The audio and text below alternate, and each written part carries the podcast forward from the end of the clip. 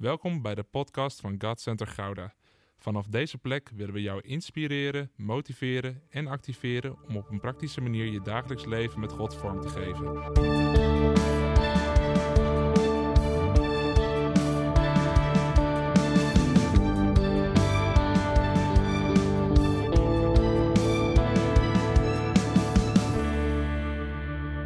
Ik moet hem even introduceren. Want voor alle mensen die vandaag nieuw zijn omdat ze mee zijn gekomen. ehm, we, dit is deel 11 van een serie. Ehm, en dat was dus potentieel de laatste. Dat is niet meer de laatste. Want ik heb tot vannacht heb ik hiermee geworsteld. En ik heb om één uur heb ik de beslissing gemaakt. Nee, we gaan hem in drieën knippen. Ehm, dus we hebben een subthema in de serie die we hebben. Oké? Dus de serie is Live Like Jesus, leven zoals Jezus. Maar het subthema waar we nu drie zondagen over gaan doen, en dat gaan we drie keer de eerste van de maand doen. Dus dat is vandaag, dat is de eerste van juni en de eerste van juli. Het subthema is, ben jij waar Jezus is? Want als wij niet zijn waar Jezus is, wordt het ook erg lastig om te leven zoals Hij leeft. Hè? En zoals Hij is. En om, om meer op Hem te gaan lijken. Ben jij waar Jezus is? Weet je, al is alles heel erg overweldigend misschien vandaag voor je, onthoud deze zin. Ben ik waar Jezus is? Maak hem persoonlijk voor jezelf. Want ben jij is makkelijk, hè? Ben jij waar Jezus is? Ben jij waar Jezus is? Ben jij waar je... Nee, ben ik waar Jezus is. En ongeveer 2,5 weken geleden had ik een meeting met een aantal leiders uit het land. En eh, we hadden het over het koninkrijk in de kerk en hoe meer samen te werken. En wat Nederland nodig had. En we hadden een tijd van gebed en een tijd van hart te delen. En op het gegeven moment was er één man en die zei... Ik ben zo bepaald bij deze vraag tijdens het bidden net. Zijn wij nog waar Jezus is? En hij vroeg dat en daarna ging die hele meeting door. Maar bij mij stopte het daar. Daarna heb ik niet zo heel veel meer meegekregen, want die vraag die resoneerde zo in mijn hart. Zijn wij nog waar Jezus is? Als kerk zijn wij nog waar Jezus is. In ons persoonlijk leven zijn wij nog waar Jezus is. Of leven we ons leven en we betrekken Jezus er af en toe even bij. Prachtig. En op zondag vieren we dat. Handjes in de lucht. Kom op, kom op. Aanbidden. Maar zijn we nog echt waar Jezus is?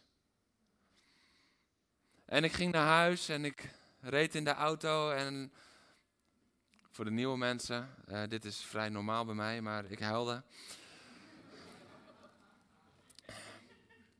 Iedereen die lacht, het zijn gemeenteleden die weten dat dat heel vaak gebeurt. En ik zei tegen God, oh Heer, wijs me aan waar ik niet ben waar u bent. En Heer, ik verlang er zo naar dat we als kerk zijn waar u bent. Heer, dat we u niet uitnodigen in ons leven, maar dat we ingaan op uw uitnodiging om bij u te komen. Want hoe vaak is het niet zo dat we God wel uitnodigen in onze situaties? God uitnodigen in ons leven. Dat we God uitnodigen bij dat wat wij aan het doen zijn. Maar Jezus zegt, kom bij mij. Het is niet altijd, oh Heer, sta mij nu bij. Oh Heer, wandel met mij mee. Nee, maar Jezus zegt, kom bij mij. Zijn wij waar Jezus is? Het raakte me diep. En um, in diezelfde week was ik in gebed en ik was hier nog steeds mee bezig. En toen ervoer ik iets, en daar moet ik jullie misschien een klein beetje voor waarschuwen. Um, en dat was de eerste keer dat ik dat zo duidelijk ervoer. Maar ik ervoer echt dat God zei: Jeroen, preek voortaan alsof het je laatste is. Dus sorry voor de komende jaren. Preek voortaan of het je laatste is. En ik voelde daarin zo dat God urgentie legde. Van, doe alsof het de laatste is. Want, hey man, elk moment is zo belangrijk. En gewoon het idee dat er iedere zondag, iedere woensdag, iedere dinsdag als we bijbelschool hebben, het maakt niet uit wanneer, dat er iemand kan binnenlopen voor wie het dood of leven is. Preek alsof het je laatste preek is. En ik geloof dat dat niet alleen voor mij geldt, maar ik geloof dat we ook zo geroepen zijn om leef alsof het je laatste preek is. Leef alsof het je laatste preek is. Elke dag van jouw leven. Weet je, soms denken we: oké, er is nu één iemand aan het preken. Ehm, dat is op dit moment waar. Maar vanaf, nou ja, als ik over een half uurtje ongeveer klaar ben, met een beetje geluk over drie kwartier pas. Als ik dan klaar ben en je stapt weer gewoon uit die luistermodus en je gaat weer verder leven, dan preek je. Wist je dat? Wist je dat je leven een preek is? En dat aan jouw leven dat mensen of Jezus juist kunnen vinden en zien, of dat ze denken, daar moet ik ver van blijven. Wat is de preek van je leven? Wat is de preek van jouw leven vandaag? Komende drie maanden gaan we stilstaan bij, ben jij waar Jezus is? Ben ik waar Jezus is. En we doen dat aan de hand van drie verschillende kernmomenten in het leven van Jezus. En we gaan vandaag beginnen in Johannes 6. Voor de nieuwe mensen niet schrikken. We staan op uit ontzag voor het woord van God als we uit het woord lezen. En als je je papieren Bijbel hebt meegenomen, zorg dat je hem openslaat op Johannes 6. We lezen vanaf vers 48 tot en met 66. Ik zal zo direct iets meer achtergrondinformatie nog geven, want we vallen even midden in een verhaal. En daar zegt Jezus op het gegeven moment: Ik ben het brood dat leven geeft. Uw voorouders hebben in de woestijn manna gegeten, maar toch zijn zij gestorven. Maar dit is het brood dat uit de hemel is neergedaald. Wie dit eet, sterft niet. Ik ben het levende brood dat uit de hemel is neergedaald. Wanneer iemand dit brood eet, zal hij eeuwig leven. En het brood dat ik zal geven voor het leven van de wereld is mijn lichaam. Nu begonnen de Joden heftig te discussiëren met elkaar. Nou, voor degenen die niet weten zeg maar, hoe de Joodse cultuur is. De Joodse cultuur is een discussiecultuur. Dus zeg maar, als je twee Joden ziet discussiëren, dan denkt de Nederlander die hebben slaande ruzie. Maar dan zijn ze vriendelijk met elkaar aan het discussiëren. Dat is de cultuur daar. Dus als er hier staat dat er heftig gediscussieerd wordt, dat is zeg maar als bij ons de, stoelen door de ruimte vliegen. Zo moet je dat even een beetje voor je zien. Ze zullen niet met stoelen hebben gegooid, maar, maar die intensiteit, die was daar. Dus heftig beginnen ze met elkaar te discussiëren. Hoe kan die man ons zijn lichaam te eten geven? Kijk, wij denken, en de discussie barstte los. Hoe kan die man zijn lichaam te eten geven? Nee, die mensen die stonden helemaal zo. Hoe kan die dat nou zeggen? Want het is heiligingsschennis in hun ogen. En daarop zei Jezus, waarachtig, ik verzeker u. Dat vind ik ook mooi, hè? Ze heftig aan het discussiëren. En heb je ooit iemand horen schreeuwen, waarachtig, ik verzeker u? Nee, dat is in de rust. Als wij in totale paniek zijn, dan is Jezus in de rust. Waarachtig. Ik verzeker u. Als u het lichaam van de mensenzoon niet eet en zijn bloed niet drinkt, heeft u geen leven in u. Wie mijn lichaam eet en mijn bloed drinkt, heeft eeuwig leven in hem en zal op de laatste dag uit de dood zal ik hem opwekken. Mijn lichaam is het ware voedsel en mijn bloed is de ware drank. Wie mijn lichaam eet en mijn bloed drinkt, blijft in mij en ik blijf in hem. De levende Vader heeft mij gezonden en ik leef door de Vader. Zo zal wie mij eet leven door mij. Dit is het brood dat uit de hemel is neergedaald. Trouwens, even, als je ooit denkt, waarom herhalen predikers zo vaak dingen?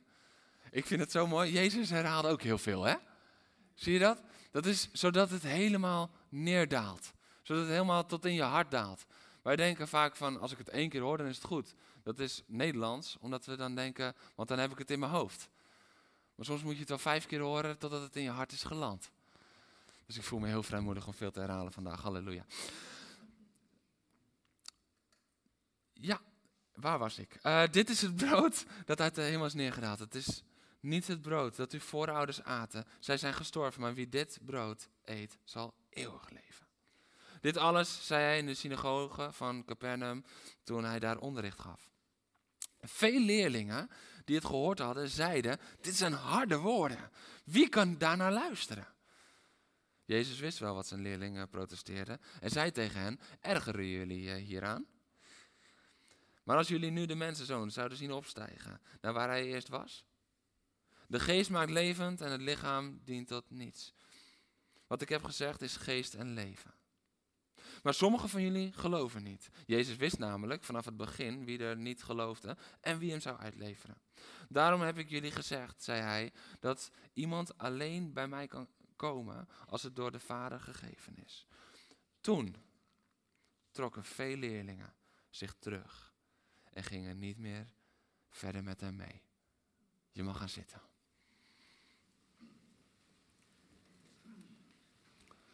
Toen trokken veel leerlingen zich terug en gingen niet verder met hem mee.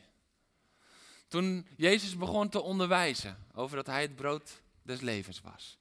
Toen hij de ik ben, het brood des levens uitspraak deed. Toen hij wees, hey, alles ligt in mij. Toen werd het lastig. Daarvoor was het allemaal nog mooi. Daarvoor was het allemaal nog mooi. En als je de grotere context van Johannes 6 leest, dan zie je dat de wonderbare vermenigvuldiging hier vlak voor heeft plaatsgevonden. En wat dan zo bijzonder is, is dat dit dezelfde mensen zijn. Dit is de storm op het meer, maar ze zijn een paar hoofdstukken verschoven. Maar wij hebben het nog steeds over die wonderbare vermenigvuldiging. En daarna komt de storm op het meer en Jezus wandelt gewoon over de zee. En wat zo indrukwekkend is, is dat het de hele tijd dezelfde schare mensen is die hem volgt. Als je dat hoofdstuk goed bestudeert, dan staat er. En de mensen die zagen dat hij daarin en ze volgden hem, ze gingen erachteraan. En dezelfde mensen, als die hun buik hadden gevuld van het feit dat Jezus het brood brak. En in Matthäus staat het dan nog iets uitgebreider. En hij liet de leerlingen het rondbrengen. En ze zaten lekker hun buiken vol te eten. Diezelfde mensen konden niet handelen dat ze van Jezus moesten eten. Dus ze konden wel uit zijn hand eten, maar ze konden niet van hem eten.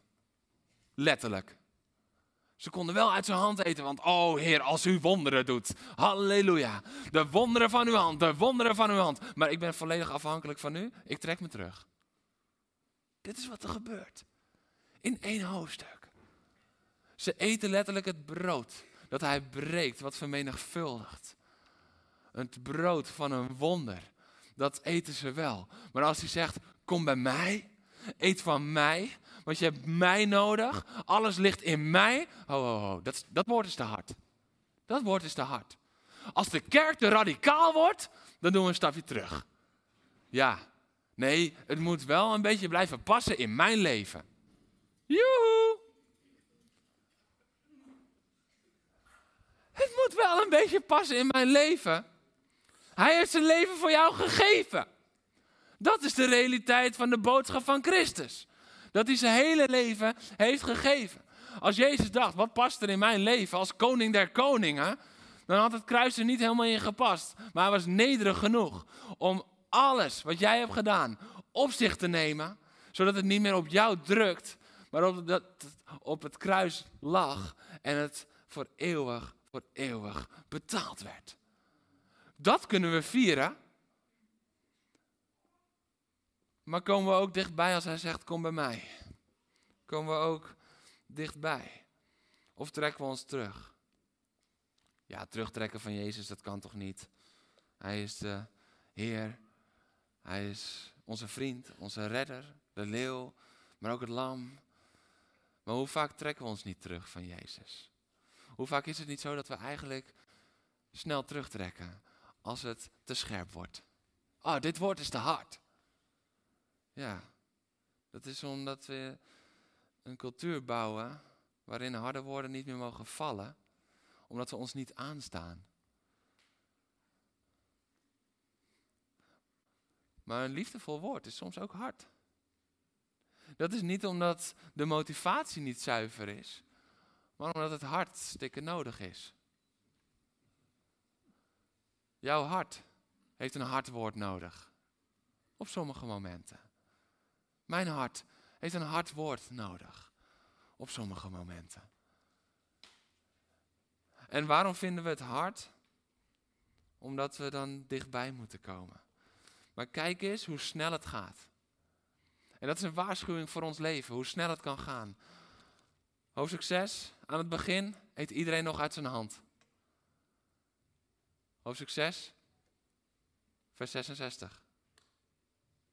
In Johannes 6, 6, 6 verlaat iedereen hem. Deze, dit evangelie is niet geschreven met versen, maar het is toch wel wonderlijk dat het zo is uitgekomen dat het Johannes 6, 6, 6 is. Driedubbel mensenwerk. Want daar staat 6 ook voor. Veel mensen denken vooral gelijk aan de duivel bij 666. Maar het is ook gewoon, het wijst op mensen. De tekortkoming van mensen daarin. Het menselijke. En waar het menselijke gaat overheersen, daar ontvolgen we Jezus. Want dat woord is te hard. Dat woord is te moeilijk. En check je hart gewoon nu even. Hoe zit je hier vandaag? Zit je hier om iets te ervaren van Jezus, om iets te zien? Zit je hier om een, een, een wonder, want ik wil hem zien werken? Of zit je hier om hem echt te ontmoeten? Zit je hier om echt met hem te zijn? Om als hij zegt, kom bij mij, om dan ook echt naar hem toe te komen. Want het is een groot, groot verschil. In vers 35, iets eerder, zegt Jezus ook al: Ik ben het brood dat leven geeft. En dan staat er: Wie bij mij komt, zal nooit meer honger hebben. En wie in mij gelooft, zal nooit meer dorst hebben. Wie bij mij komt. En dit is nou precies het verschil met die wonderbare vermenigvuldiging, wist je dat? Dus we hebben de wonderbare vermenigvuldiging en Jezus zit het brood te breken.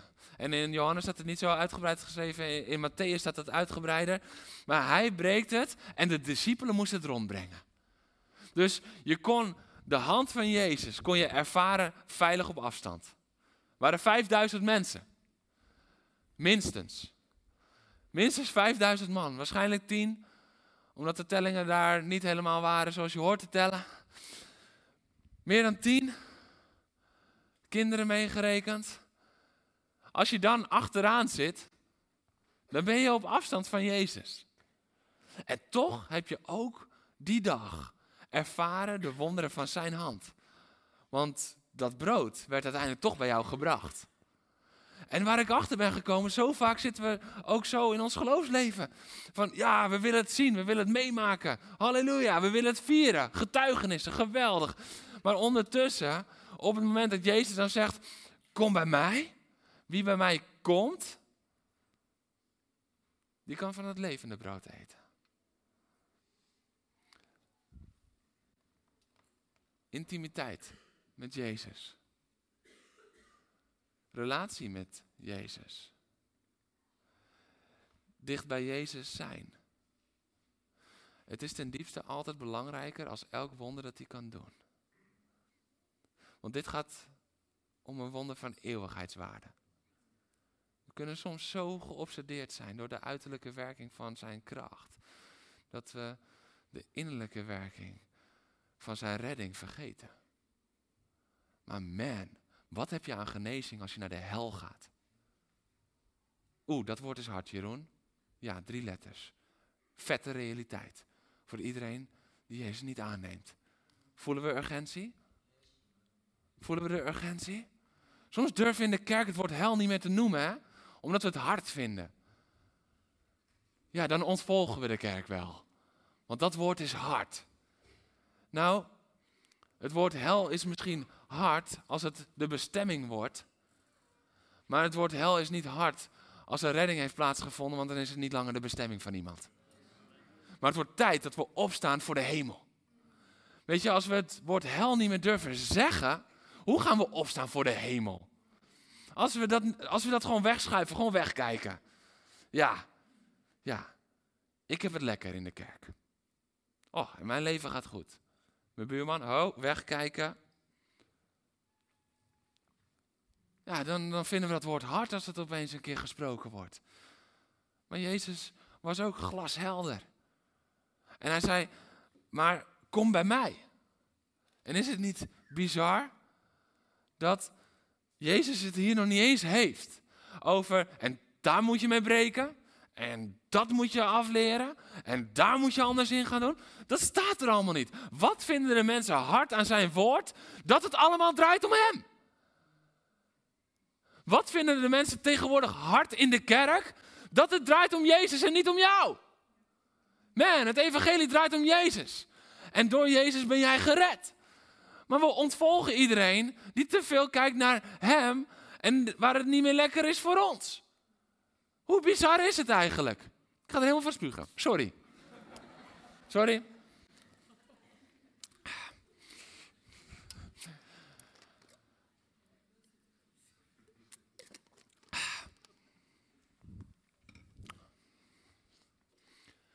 Hoe bizar is het eigenlijk?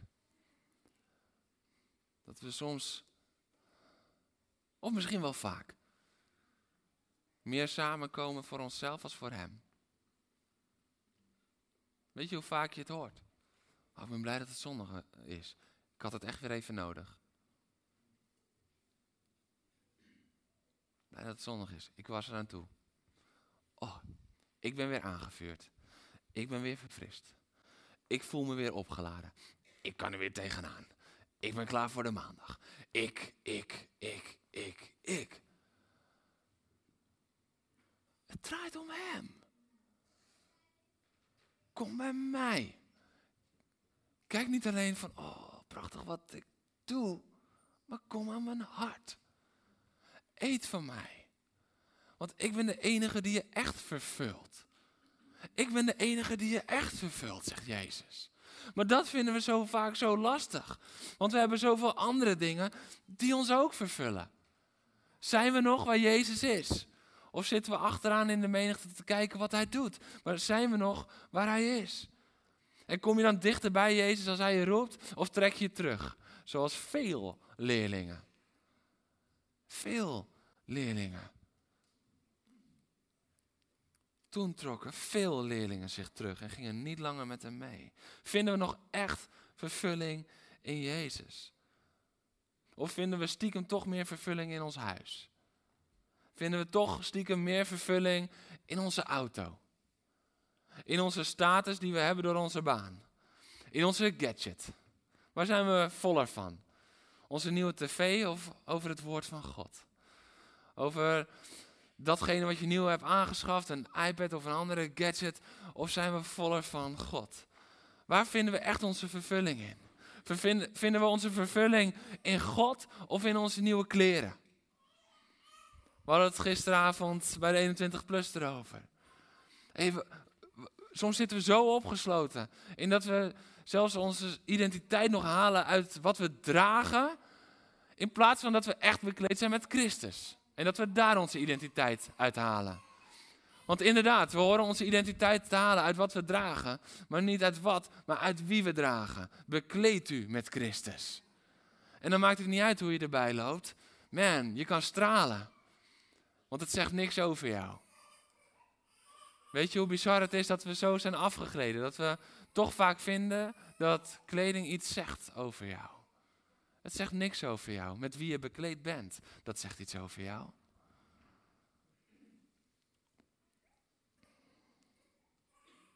Hmm. Vinden we nog echt vervulling in Jezus? Want hij zegt, mijn lichaam is het ware voedsel. En mijn bloed is de ware drank. Het, de ware. Het enige echte. Het enige juiste enige echte voedsel, dat is mijn lichaam, zegt hij. En hij zegt dan niet van, hé, hey, ik kom het laten brengen door discipelen. Nee, dat was het wonder van zijn hand. Mooi hè? Voor wonderen en tekenen gebruikt hij mensen. Maar voor intimiteit gebruikt hij niet mensen. Dan zegt hij, kom bij mij. Jouw relatie met God is iets tussen jou en God. Als jouw relatie met God afhangt van iemand die nu naast je zit, of als het afhangt van het worship team op zondagochtend, of als het afhangt van de spreker, man, dan heb je zes moeilijke dagen per week. Dat is niet de bedoeling. Dat is niet hoe God het wil. Jezus zegt: Kom bij mij. Zijn we nog waar Jezus is? En weet je wat een ander iets is hierin? Dus aan de ene kant vinden we het moeilijk dat als het niet meer gaat om de kracht van God, maar het hart van Jezus, dan vinden we het ingewikkelder worden. Als het niet meer gaat om de wonderen van zijn hand, maar de intimiteit van zijn hart, dan vinden we het lastig worden. Dat zijn facetten. Maar er is nog iets. Ze konden niet omgaan met genade. Ze konden niet omgaan met genade. Want wat Jezus hier zei, dat ging lijnrecht in tegen wat alle fariseeërs en schriftgeleerden al die jaren hadden onderwezen. Want die wezen alleen maar naar de wet, naar de wet, naar de wet. En naar jouw tekortkomingen, naar de wet, naar de wet, naar de wet. En naar jouw tekortkomingen. En oh, kijk eens wat je fout doet. Oh, kijk eens wat je... Oh, zo. Woe, man. Afstand. Je bent niet heilig genoeg. Je bent niet goed genoeg. Dat was continu. Dat was een soort melodie. Wij kunnen zingen, hij is genoeg voor mij. Maar de melodie van het leven daar was, ik ben niet goed genoeg. En dat klonk als een refrein door de levens van de Joden heen. Omdat dat ze werd geleerd door de Fariseeërs. En dan komt Jezus en die zegt, als je gewoon bij mij komt, man, eeuwig leven zal je hebben. Eeuwig leven zal je hebben. En je zal, je zal niet sterven, maar je zal opstaan uit die dood. En je zal bij mij zijn. En je zal met de Vader zijn. Eeuwig leven zal je hebben. Ze konden het niet handelen. En hoe noemen ze het dan? Die boodschap is hard. Dus aan de ene kant is Jezus radicaal. Breek door. Breek door dat het niet meer gaat alleen maar om mijn hand. En breek er doorheen dat je je vervulling in andere dingen vindt. Dus hij voedt ons daarin geestelijk op. En aan de andere kant, zo duidelijk, die liefde en die genade. En in die liefde en in die genade vinden ze het, vinden ze het te moeilijk. En ze verlaten Jezus. Ik heb meer mensen dan me lief is de afgelopen tien jaar zien afhaken op genade. Ja, want dat is te makkelijk. Nee, dat is niet te makkelijk. Kijk naar het kruis en je begrijpt dat het niet te makkelijk was. Kijk naar wat hij heeft gedaan voor jou. En je begrijpt dat dat niks heeft te maken met dat het te makkelijk is. Het heeft alles gekost. Maar zoveel liefde heeft hij voor jou. Zoveel liefde heeft hij voor mij. Dit is de realiteit van het evangelie, van het goede nieuws. Van het leven van Jezus. Die boodschap van liefde, kom bij mij. Die vinden we vaak zo moeilijk. We vinden het makkelijker om te werken voor God als om te zijn bij Jezus. Want dan heb je toch nog zelf iets in de hand. Je doet het toch nog een beetje zelf. Maar kom bij mij is echt loslaten. En van zijn lichaam eten, van zijn bloed drinken, wat we straks gaan doen als we het avondmaal vieren, aansluitend op deze boodschap. Dan is het echt tot in de intimiteit. Dan komt het echt dichtbij.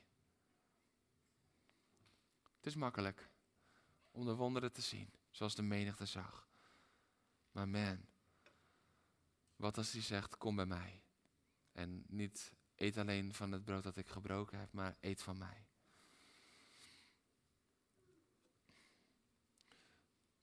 Trek je terug of ga je mee? Als Jezus te confronterend wordt, wat ga je doen? Als je Jezus niet meer helemaal begrijpt misschien, wat ga je doen? Is het woord echt hard of is het een woord voor je hart? Ik denk dat de leerlingen het niet begrepen. Dat ze het niet begrepen. En omdat ze het niet begrepen, noemden ze het hart. Maar eigenlijk was het een woord voor hun hart. Want eigenlijk zat er zoveel genade en zoveel herstel in. Ze trokken zich terug en ze ontvolgden Jezus. En dat is wat we in deze tijd ook zien. Als het ons niet aanstaat, dan cancelen we het. Als het te ingewikkeld wordt, dan ontvolgen we het. Als we het niet meer helemaal onze smaak vinden, dan ontvolgen we. diegene? Gaat diegene op een gegeven moment echt radicale post doen op Insta, omdat hij in de fik staat voor Jezus? Ah oh man, zo irritant. Drie keer per dag word ik ermee geconfronteerd. Weet je wat? Ik ontvolg diegene. Ik hoef die dingen niet meer te zien. En soms gaan we met mensen zo om, maar ook gaan we zo soms met Jezus om. We ontvolgen hem op het moment dat het ons uitkomt. Geen tweede kansen, geen loyaliteit, geen genade is wat we vaak hebben met mensen. En we ontvolgen iets. Maar weet je, dat gaat dan vaak nog over dat mensen de fout in gaan. Dat er geen genade is, geen loyaliteit, geen tweede kans. Maar Jezus spreekt de waarheid. Maar weet je waar ik achter ben gekomen? Dat we nog veel vaker de waarheid willen ontvolgen als de leugen. Want de leugen oogt sexier, aantrekkelijker, leuker voor even. Maar we zitten gevangen in een focus op korte termijn. En een focus op korte termijn dat je gewoon even vervuld wilt worden, verzadigd wil zijn. Maar Jezus spreekt de waarheid.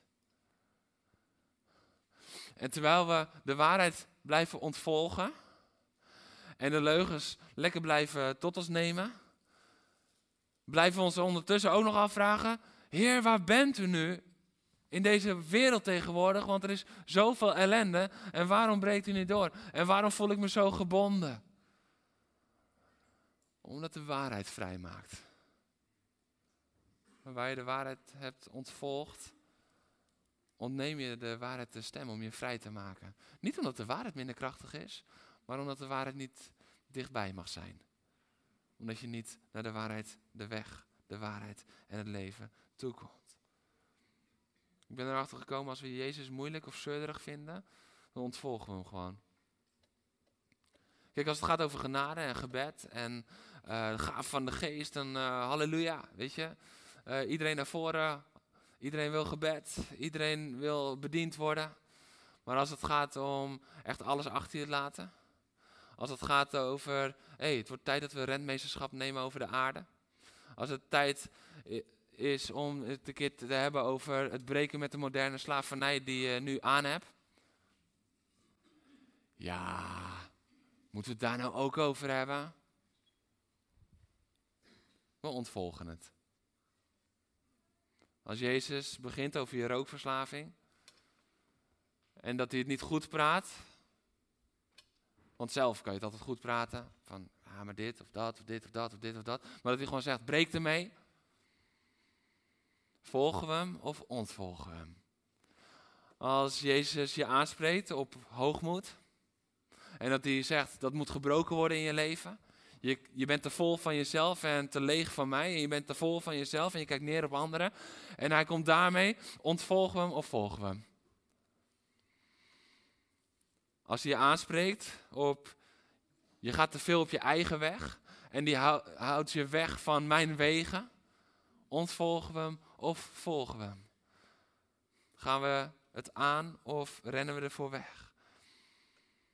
Als hij zegt, je moet niet langer wegkijken voor onrecht en doen alsof het er niet is, volgen we hem of ontvolgen we hem? Als Jezus zegt, hé, hey, diegene waar jij allemaal je oordeel over klaar hebt, ik hou van diegene en ik wil jou gebruiken om diegene te bereiken, diegene te omarmen, diegene liefde te betonen, genade te leren kennen, volgen we hem of ontvolgen we hem? We hebben het vandaag over, zijn we bij Jezus aan de hand van Johannes. Volgende keer gaan we kijken naar, of een van de twee volgende keer in ieder geval, gaan we kijken naar de Zacchaeus. Sta je buiten of sta je binnen? Nou, dan kun je je voorbereiden tot de volgende keer. Halleluja. Neem je verantwoordelijkheid voor je gezin. En, of niet. Of voor je familie of niet. En Jezus confronteert je ermee. Hé, hey, het is tijd om verantwoordelijkheid te nemen. Als God je aanspreekt over hoe je omgaat met je financiën. Nou, uh, Heer, dat is van ons hoor. Dat doen we zelf wel. Volg je hem of ontvolg je hem? En waarom is het zo belangrijk? Omdat hij is de weg, de waarheid en het leven. Maar Jezus staat ook als de weg beschreven. Als je diep in de grondtekst duikt, dan zie je ook vaak dat als het gaat over die ene, over Jezus, dat het ook gaat over de weg.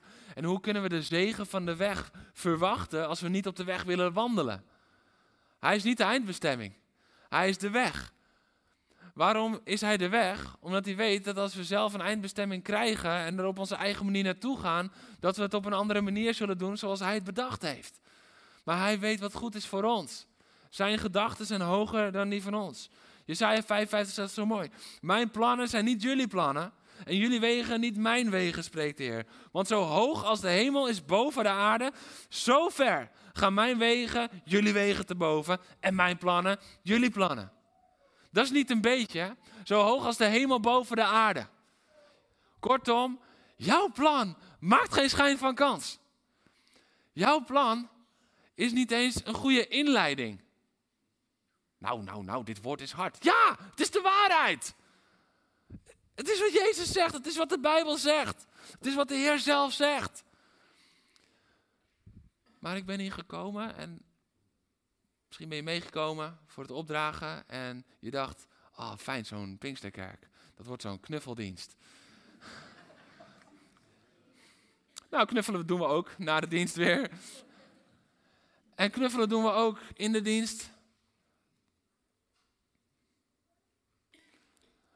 Want het geheim is dat dat harde woord is een uitnodiging voor een knuffel. Want Jezus zegt, kom bij mij. Eet van mij. Kan je dichterbij komen? Kan je dichterbij komen dan dat? Dat is een knuffel van genade die God ons geeft. Maar wat is jouw referentiekader? Is het vanuit, ik vind het moeilijk, dus het woord is hard? Of Jezus is de waarheid, dus het is goed voor mijn hart? Dat is nogal een verschil. Het is allebei hard. Maar welke hart laat je schreeuwen? Nee, dit is veel te hard voor mij. Oh, dit is wat mijn hart nodig heeft. Dit is wat mijn hart nodig heeft. Jezus sprak de waarheid. Jezus sprak de waarheid in Johannes 6. En het is te confronterend voor de mensen. Soms is de waarheid te confronterend voor de mensen. En dan is het zo belangrijk dat we staande blijven. En dat we niet gaan dansen naar de wil van de mens. Want als de waarheid van Jezus niet meer langer centraal staat, en als het niet langer gaat om de waarheid, maar om wat wij fijn vinden, hey, dan kan je een andere voorganger zoeken. We blijven bij het woord van God. Dat is goed voor je hart. En misschien ervaar je het als hard. Maar het is genezing voor je hart.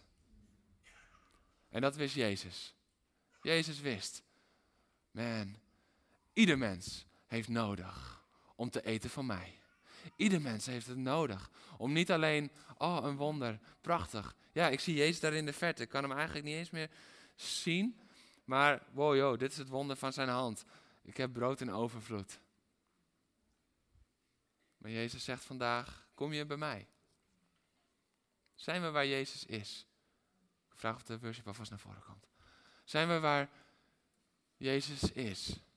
Op het moment dat het woord misschien afwijkt van wat wij hadden bedacht. Zijn we waar Jezus is? Als het niet meer gaat om de kracht en de autoriteit, maar als het echt gaat om de intimiteit. Weet je, zonder intimiteit aan het hart van Jezus bid ik je ook geen autoriteit in de naam van Jezus toe. Je gevaarlijk. Iedereen. Ik ook. Iedereen. Daarom roept Jezus je. Oké, je hebt de macht van mijn hand gezien. Maar zie de genade van mijn hart. Kom bij me. Zijn we waar Jezus is? Jij kan hier in de zaal zitten en denken, ik ben het toch? En ondertussen op grote afstand van Jezus zijn. En daarom willen we afsluitend het avondmaal met elkaar vieren. Omdat hij letterlijk zegt, wie van mij eet, wie van mij drinkt, die heeft eeuwig leven. Dichterbij kan je niet komen en we willen ons uitstrekken naar een ontmoeting met Hem. En waarom zeg ik we willen ons uitstrekken? Omdat we heel vaak Jezus uitnodigen. Maar Jezus nodigt jou uit vandaag. voor de wonderen zendt hij uit. Door de discipelen, door mensen heen. Prachtig. Maar hier, ik ben het brood dat leven geeft. Wie bij mij komt. Wie bij mij komt. Zal nooit meer honger hebben. Als je hier bent gekomen met honger vandaag. We gaan eten van Hem, zodat je nooit meer honger zal hebben. En dat gaat over die honger van vervulling. Als je nog steeds vervulling vindt, in ook met iets anders dan Jezus. Honger komt terug. Honger komt terug. Totdat je van Hem eet. Totdat Hij je honger mag stillen. Totdat je helemaal bij Hem komt. Want als je dan bij Hem komt, dat stilt honger voor goed.